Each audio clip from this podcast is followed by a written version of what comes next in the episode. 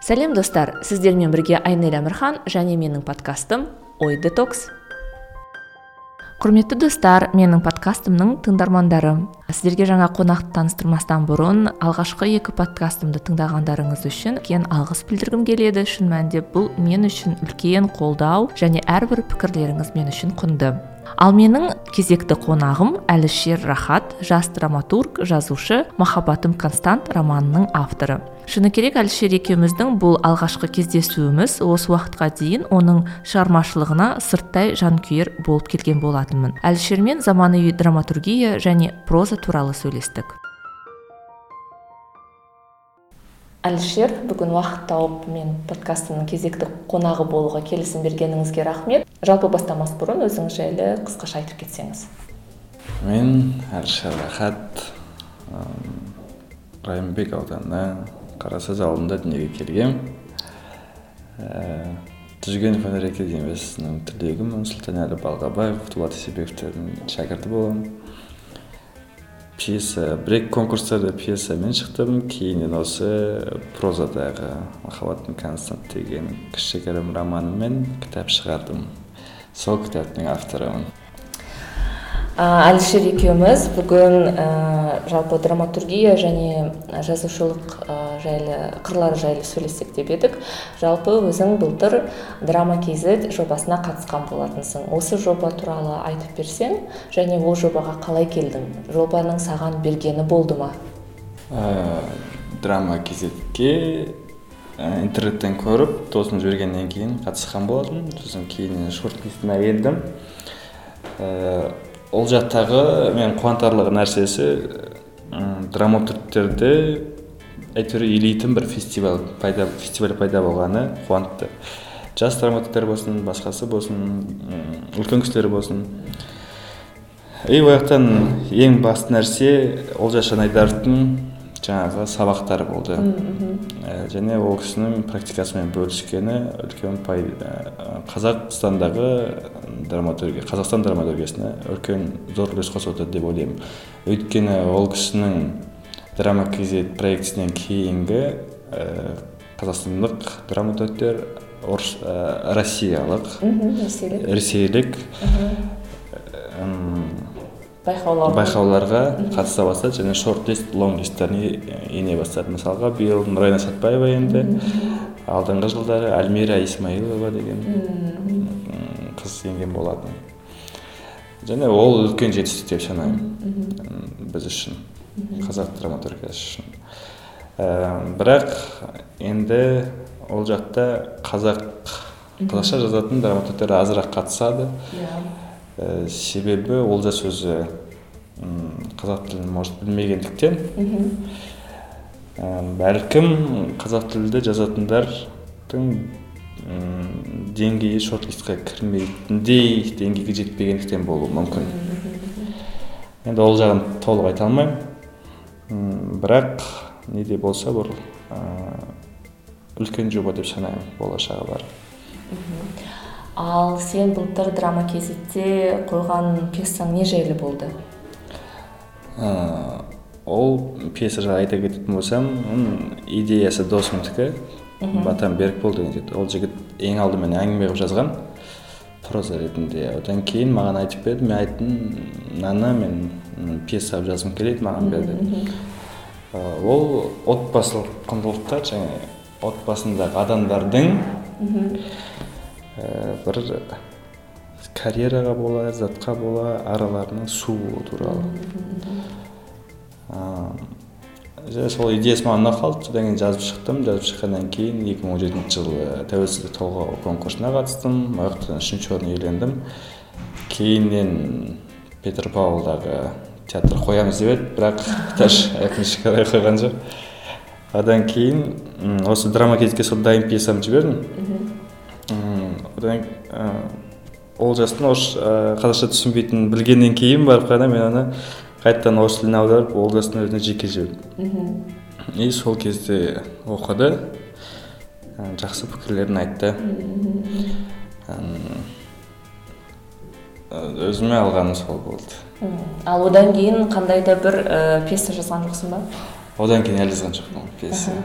Өйткені содан бері қарай прозамен айналысып отырмын ә, жалпы мен өзім былтырғы драма kz ә, читкасына жеңімпаз болған пьесалардың тізімімен таныстым биыл таныстым.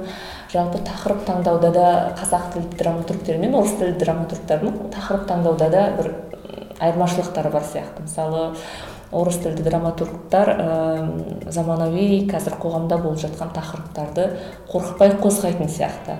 Ал ә, қазақ тілді драматургтар кішкене фантастикаға немесе иә сондай бір абсурдқа негізделген дүниеге көбірек көңіл бөлетін сияқты. Оның себебі неде? Ә, енді ол үшін барлық пьесамен танысу керек сияқты. Жаңағы қол биыл былтыр да қатысқан бірақ биылғы қатысқан қолғат мұраттың пони деген пьесасымен ықылас шалғынбай деген жігіттің қамал деген пьесасы да сондай өткір. өткір болғанда тіке емес. Астыртын. астыртын айтылатын әңгімелер десе де ал енді мен жаңағы орыс тілді тақырыптар көрдім. Бар читкаларына ну. Мен ояндым деген бар. Иә. Молчание баранов деген бар жаңағы шымкенттегі болған жағдай кішкентай баламен болған жағдайға байланысты мысалы. Бірақ енді жалпы идеялары жақсы сияқты күшті сияқты бірақ драматургиялық шеберліктерін аса жетіспеген сияқты сезілді маған. Жалпы драматургияда енді әркім үшін әртүрлі маңызды шығар. Бірақ мен үшін маңызды образ. Четкий анық. Көзге көрінетін адамды елестете алатын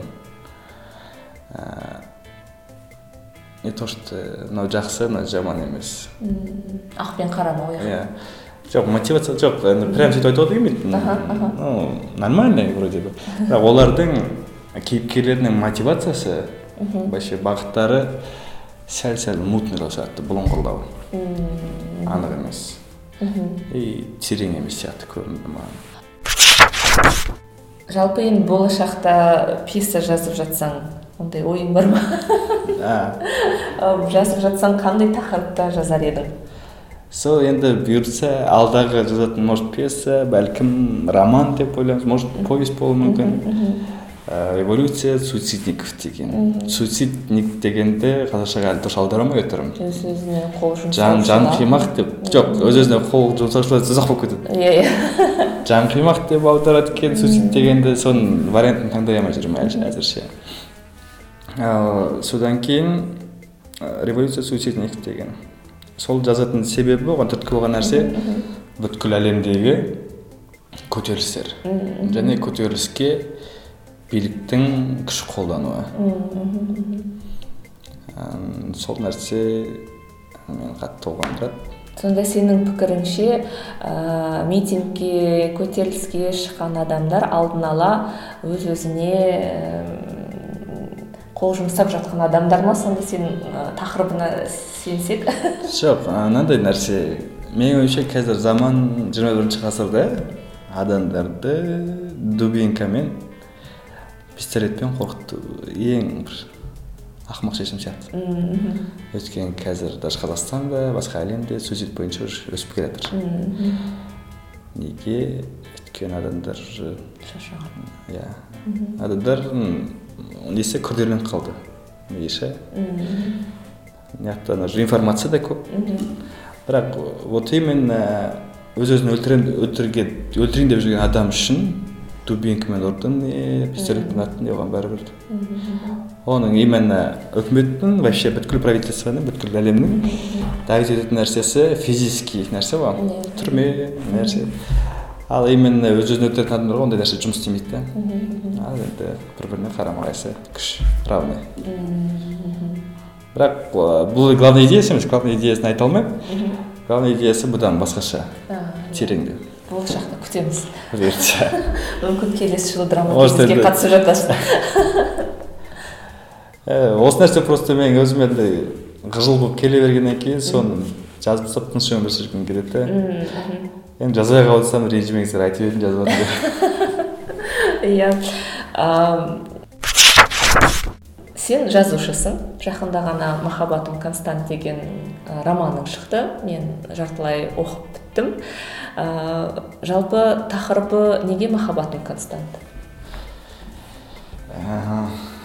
махаббатым констант констант деген жаңағы физика химия математика деген термин тұрақты деген нәрсе ал жалпы махаббат всегда тұрақтылықты талап етеді деп айтып жатады если пафосно айтатын болса иә иә бірақ осы неге осылай тақырып екенін сол алдында да маған сұрап отыр мен жауап бере алмай тұрмын бұл тақырып кезінде енді физика математиканы өте жақсы көріп оқығанмын бірақ констант деген сөз миымда қалып қойған екен сосын екі мың он төртте махаббатым констант деген осындай бір идея келді тақырып содан кейін әңгіме жазып көрдім нашар болып қалды одан кейін екі мың тағы он жетіде ме тағы бір әңгіме жазып көрдім ол да нашар болып қалды одан кейін екі мың он сегізде осы былтыр январында тоже бір әңгіме бастап көрдім ол да жарамады оны өшірдім одан кейін екі мың он сегіздің шілдесінен бастап қой деймін осы роман жазып бастадым сосын бұл романның басты мақсаты мынандай болатын. Заманауи қалалық проза. Өйткені мен меломанның витриналарынан заманауи қазақ прозасын көріп жүрген жоқпын. Өкінішке орай. Ііі сосын сондай бір контентпен шығарғым келді. Содан кейін жазып жүрдім жазып жүрдім. Сонымен ноябрь болған кезде қараша болған кезде. Бір ақын сұлтанқожа айжарық деген досымның өлеңін оқып қалдым оның өлеңіне өлеңде таза қала бар қаланың атмосферасы бар. Оқыдым да сосын жаза алмай қалдым. Сосын жаза алмай жүріп бір айдан кейін барып не үшін жаза алмаймын түсінбеймін түсінбеймін. бір ай ма екі апта ма ұмытып қалдым. Бір уақыттан кейін барып өзімнің жазғандарымды оқып қарасам сол кезде роман. Ол кезде романның жартысына келгенмін. Менің романның оқиғасы қалада болып отқанымен жалпы стилінде ауылдық ә, атмосфера да содан кейін оны түгел өшірдім өшіріп сосын қайтадан бастадым осыны одан кейін жазып жазып жазып біраз редактор еттім сөйтіп сөйтіп осындай кітап болып шықты қазіргі енді шыққан қалпына көңілің толады ма жалпы қалай сездің көңілің толатынын ә, енді қалай айтсам көңілім толады деп те толмайды деп те айта алмаймын мен әзірге білмей тұрмын бірақ енді қазір кітап сатылып жатыр біршама сатылып кетті. Жаңағы реакциялармен бөлісіп жатады ғой пікірлерін жазып жатады вроде адамдарға ұнап жатқан сияқты. Енді алдағы уақытта көре жатармыз кітаптарың сатылымда дедің қай жерден сатып алуға болады?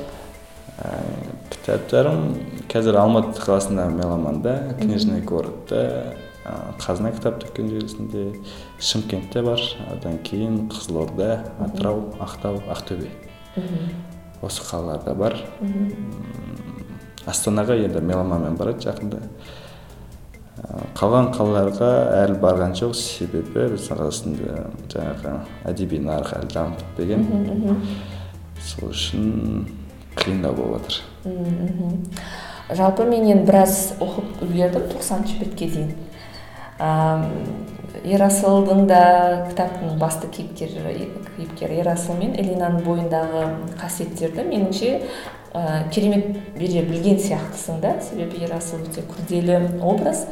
Ә, жаңағы балалық шағында қандай да бір травма алып сол травмасымен ересек өмірінде де күресе алмай ә, шешімін таппаған нәрсе да. Жалпы кітап оқып жатқанда менің үнемі ойлап отырған нәрсем неге адамдар ойын ашып айта алмайды? Неге сөйлесу мәдениеті қалыптаспаған себебі? Көп нәрсені жаңа бір проблема болса оны екі адам отырып сөйлесу арқылы шешуге болатын дүние сияқты да. Ә, осы образды ерасылдың образын жасау барысында неге сүйендің портретін қалай жасадың жалпы сенің өзіңнің болмысыңнан ерасылдың бойында қандай да бір қасиеттер бар ма?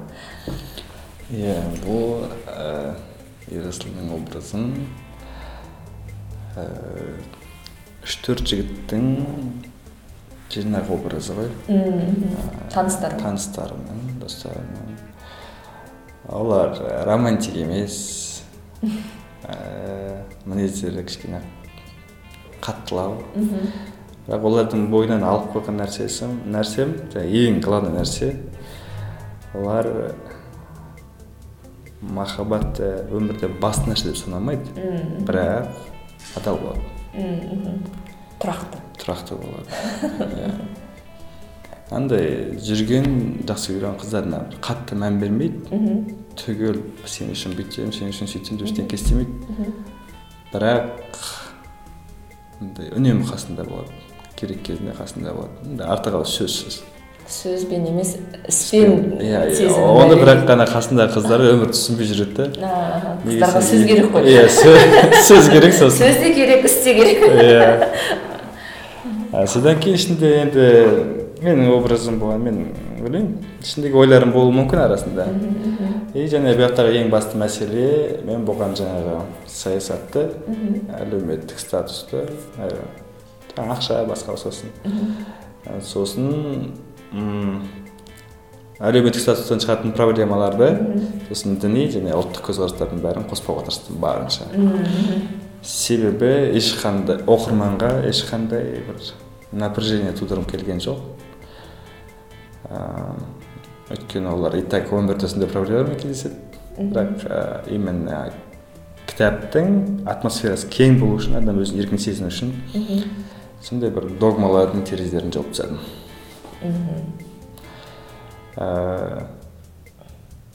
Солай жалпы бұл кітап ә, кімнің қызығушылығын көп туғызады деп ойлайсың? Оқушылардың жастардың ересек адамдардың.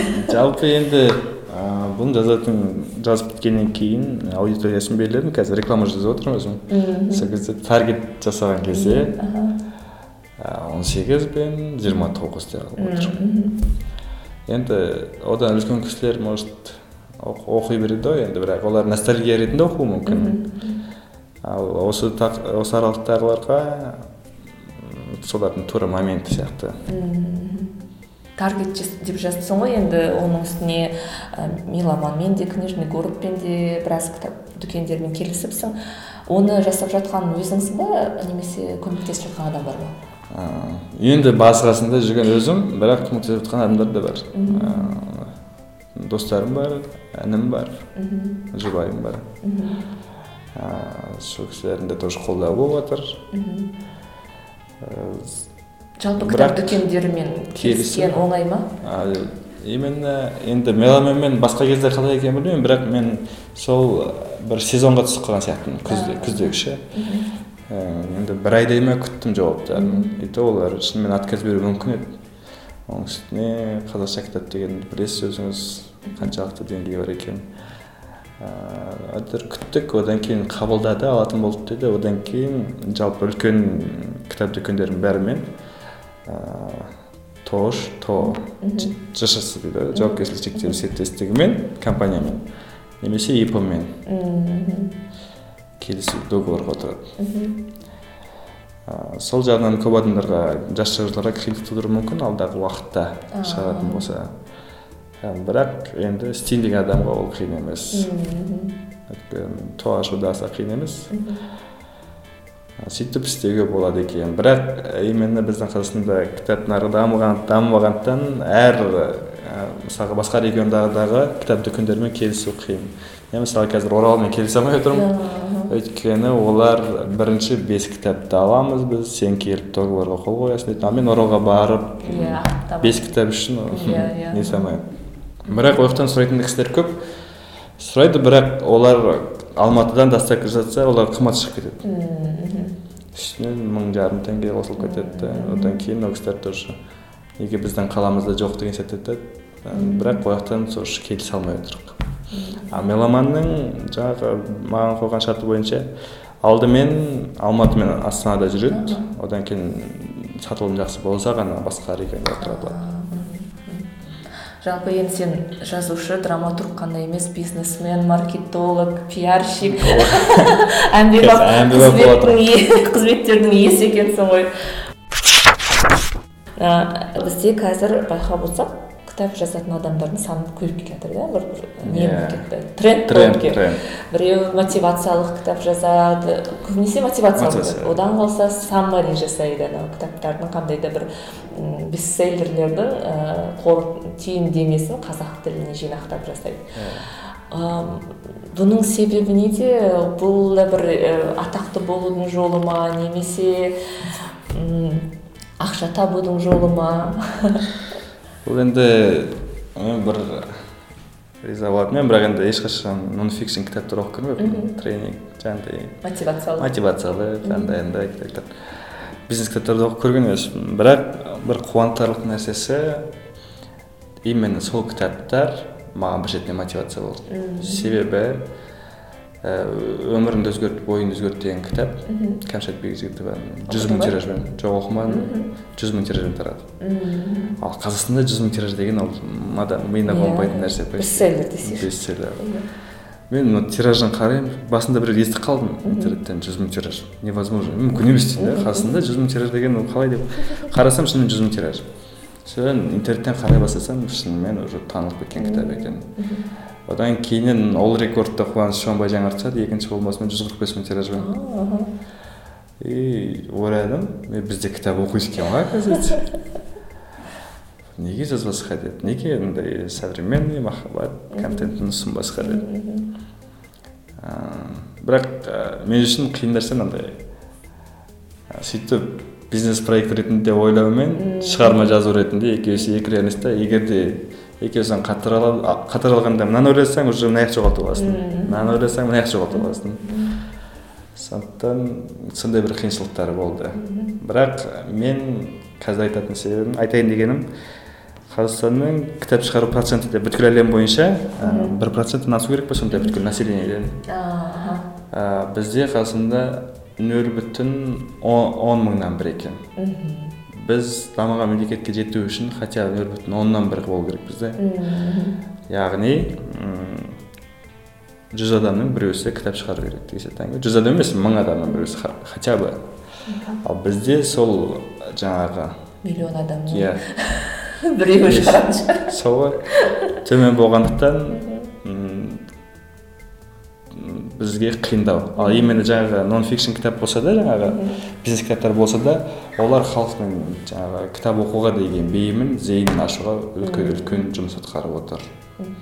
Сол үшін оларды ерекше құрметтеймін сенің кітабыңның соңында маған бір ұнағаны роман жазу кезінде маған септігін тигізген мен тыңдаған ән әуендердің тізімі деп. Ә, жазыпсың да мен біразын тыңдап шықтым және көбісі басым бөлігін өзімнің плейлистіме қосып алдым.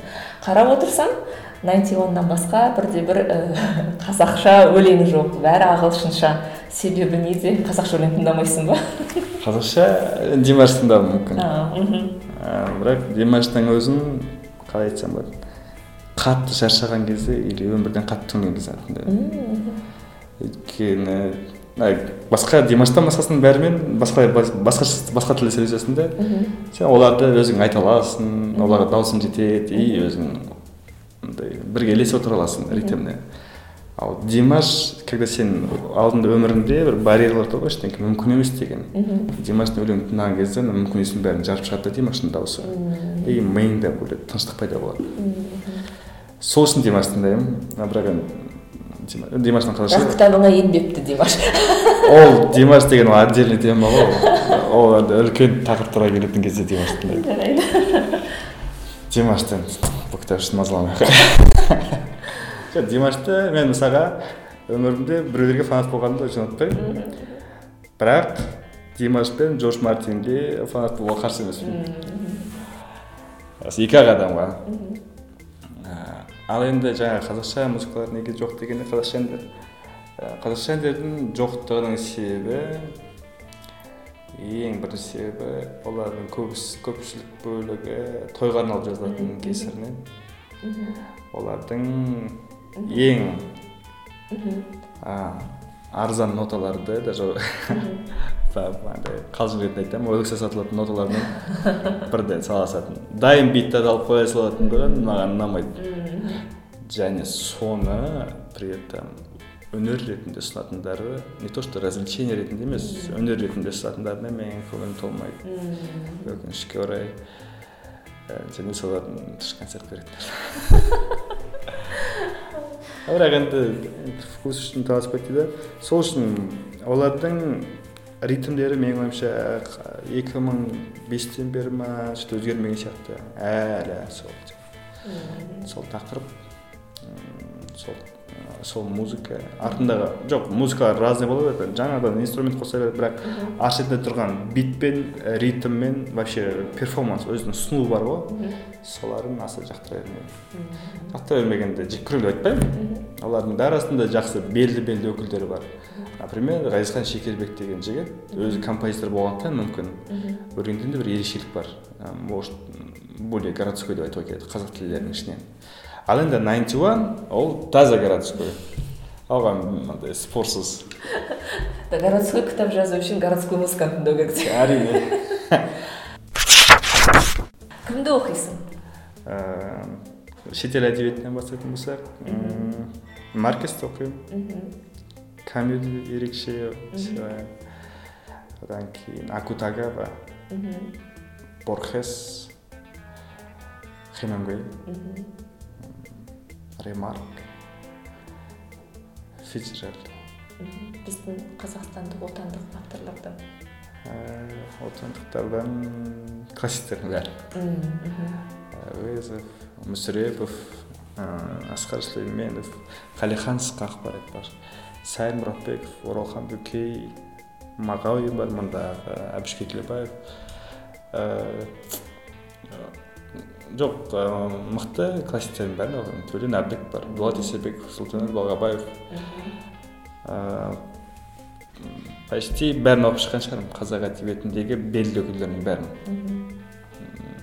Қазақтардың жазушылардың бәрін почти қазір енді жастар көп кітап оқымайды деп жатамыз ғой. Енді өзің де жазсың ғой негізі бірақ өзіңнен кейінгі іні қарындастарыңа қандай кітап оқуға кеңес берер едің? Әлем әдебиетінен ба қазақ әдебиетінен? Қазақ әдебиетінен. Қазақ әдебиетінен жас адамдарға егер де оныншы сыныппен жоқ тоғызыншы сыныппен бірінші курстың аралығы болса махаббаттың қызық махаббат қызық музыларды оқыса болады. Одан кейін қалған одан жоғарыларға қарғын дулат исабековтің қарғын романын оқыса болады. Содан кейін так тағы қандай жақсы? Өзің кітабыңды алишер ахан махаббатым констант десе сол. Көбісі есіме түспей тұр менің көп ұмытып қалатын әдетім бар өкінішке керек иә мен бірінші есіме түскен махаббат қызық мол жылдармен дулат исабековтың қарғынын он бірінші сыныпта оқығанмын расында қарғын енді білмеймін ерекше ұнады иә екі томдық кітап болды ау деймін білмеймін қателеспесем блогерлардан біреуді оқисың ба айтпақшы блогерлардан так баяғыда рашевті қарайтынмын бірақ қазір қарамаймын неге что то өкінішке қарай жоқ адам? Ол просто ең алғашқы контентін жоғалтып алған сияқты қазір что то проплаченный сияқты ма жарнама көп жарнама көп соңғы кезде әйтеуір бір жақыннан оқыдым рашевтың российский блогерлардан аударып жүрген иә айтып жатады иә плагиат. плагиат плагиат всегда жек көремін менің подкастым ой детокс деп аталады. Яғни ақпарат ағымында өзіңнің ой тазалығыңды сақтау дегенді білдіреді. Жалпы сен өзіңді қандай да бір жағымсыз ақпараттан сақтайтын кездерің бола ма? Бір тауға кетіп қалып әлеуметтік желіні өшіру деген сияқты. Ондай соны жасай алмай жүрмін.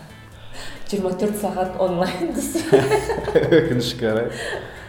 Енді жаңалықтарды жиі қараймын. Сосын әдеби жаңалықтарды жиі қараймын. бірақ әдеби жаңалықтарды әлемдік емес бірақ өкінішке қарай. Әлі әлемдікке мен ағылшынша білмей жатырмын енді орысша болса оқуға тырысамын оқимын. Көбінесе қазақша әдебиет туралы сосын әлемдік политика туралы жаңағы әлемдегі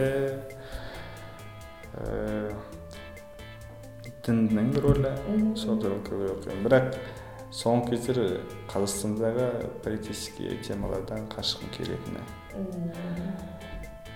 Сондай көп ойланбауға басымды қатырмауға тырысамын.